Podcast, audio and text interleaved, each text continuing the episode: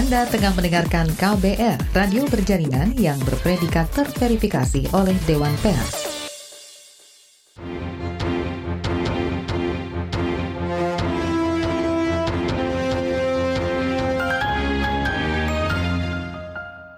Inilah kabar baru KBR bersama saya, Astri Septiani.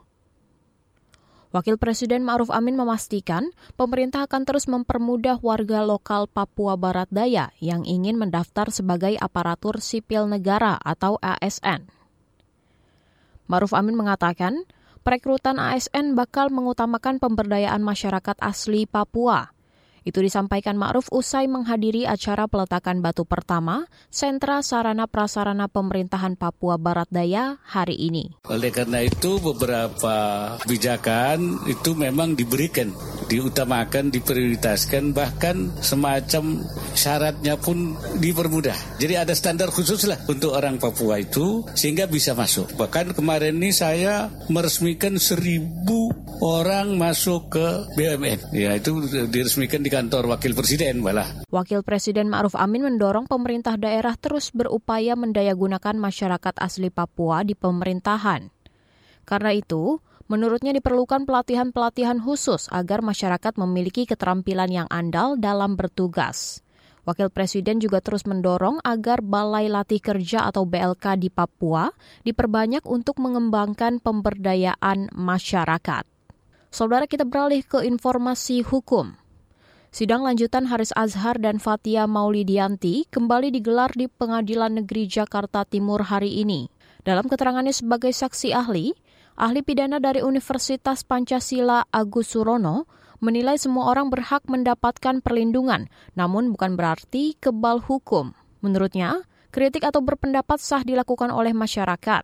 Meski begitu, Kata dia kritik tetap harus disampaikan dengan kaidah kesopanan. Pasal 6, iya. orang akan dilindungi. Kan tadi tafsir saya, makna saya adalah ada perlindungan. Iya. Perlindungan kepada setiap orang, siapa pun juga, ketika dia memperjuangkan hak atas lingkungan hidup yang sehat dan baik, maka dilindungi secara hukum. Tapi bukan berarti kemudian setiap orang itu adalah kebal hukum.